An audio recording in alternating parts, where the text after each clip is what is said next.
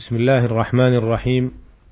الحمد لله رب العالمين وأصلي وأسلم على أشرف الأنبياء والمرسلين نبينا محمد وعلى آله وأصحابه أجمعين والتابعين ومن تبعهم بإحسان إلى يوم الدين.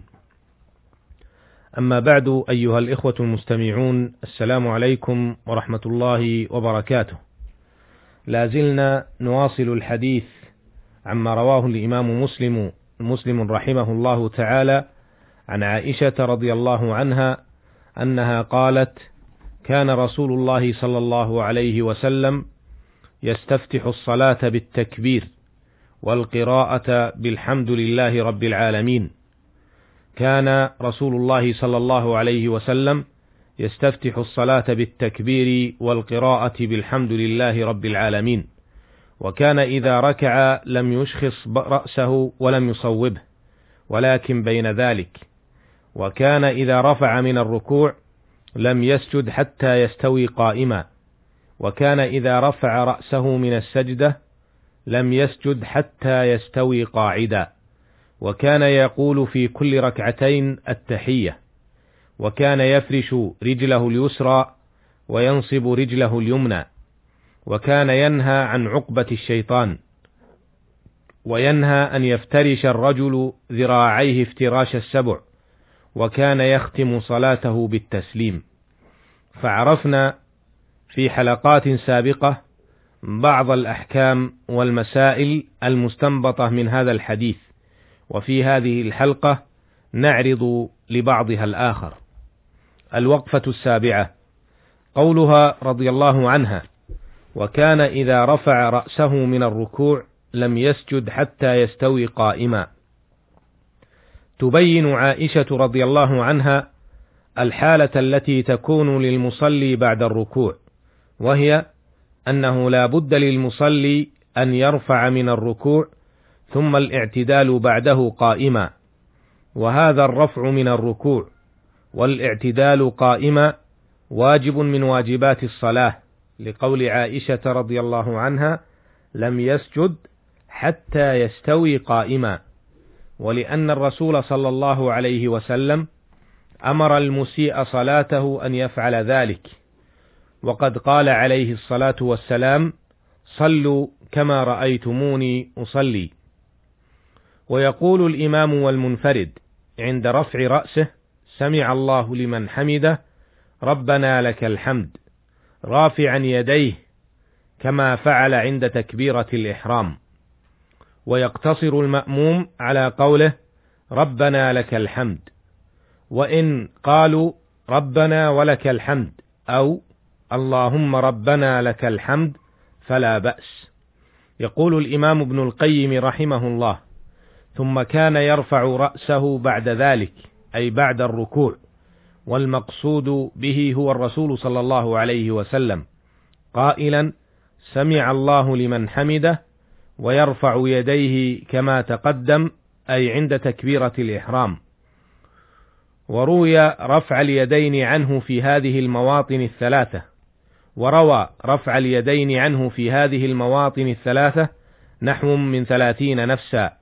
واتفق على روايتها العشرة. ولم يثبت عنه خلاف ذلك البتة بل كان ذلك هديه دائما إلى أن فارق الدنيا ولم يصح عنه حديث البراء. ثم لا يعود بل هي من زيادة يزيد بن زياد. يشير رحمه الله هنا إلى حديث البراء أن رسول الله صلى الله عليه وسلم كان إذا افتتح الصلاة رفع يديه إلى قريب من أذنيه ثم لا ثم لا يعود. ويشير أيضا إلى ما روي عن ابن مسعود أنه صلى ولم يرفع يديه إلا مرة واحدة.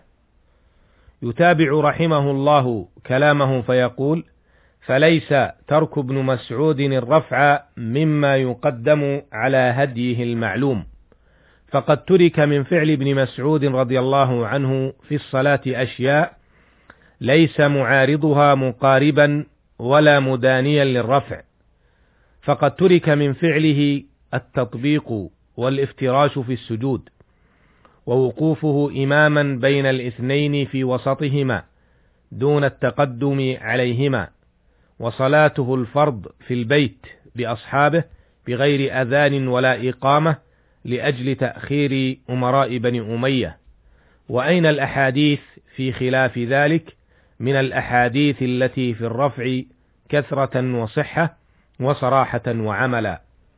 ثم يقول رحمه الله وكان رسول الله صلى الله عليه وسلم دائما يقيم صلبه إذا رفع من الركوع وبين السجدتين ويقول لا تجزئ صلاة لا يقيم الرجل فيها صلبه في الركوع والسجود.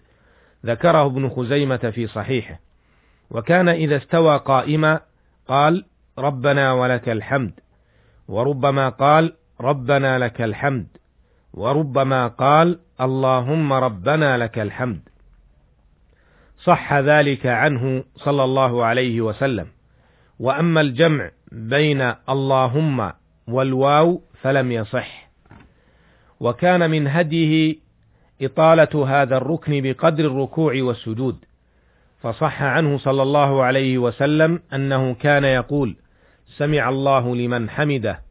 اللهم ربنا لك الحمد. ملء السماوات وملء الأرض وملء ما شئت من شيء بعد. أهل الثناء والمجد. أحق ما قال العبد. وكلنا لك عبد.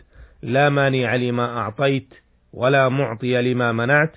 ولا ينفع ذا الجد منك الجد. وصح عنه أنه كان يقول فيه اللهم اغسلني من خطاياي بالماء والثلج والبرد ونقني من الذنوب والخطايا كما ينقى الثوب الأبيض من الدنس وباعد بيني وبين خطاياي كما باعدت بين المشرق والمغرب.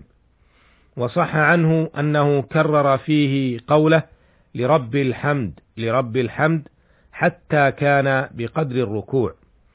وصح عنه أنه كان إذا رفع رأسه من الركوع يمكث حتى يقول القائل قد نسي من إطالته لهذا الركن. وذكر مسلم رحمه الله عن أنس رضي الله عنه كان رسول الله صلى الله عليه وسلم إذا قال سمع الله لمن حمده قام حتى نقول قد أوهم ثم يسجد ثم يقعد بين السجدتين حتى نقول قد أوهم. انتهى كلامه رحمه الله.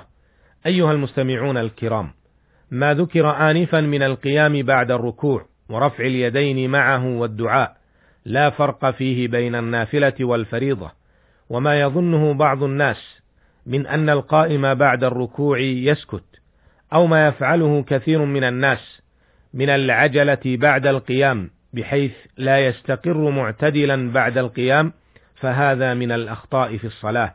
فعلينا الاقتداء بهدي محمد صلى الله عليه وسلم والسير على منهاجه والتأسي به ولا تأخذنا العجلة في الصلاة فلا نقيم أركانها وواجباتها. ومن ثم قد نعرض هذه العبادة العظيمة للرد وعدم القبول. نسأل الله تعالى أن يرزقنا البصيرة في ديننا والسير على آثار نبينا محمد صلى الله عليه وسلم والتأسي به بأفعاله وسلوكه إنه سميع مجيب وهو المستعان وإلى اللقاء في الحلقة القادمة إن شاء الله. والسلام عليكم ورحمة الله وبركاته.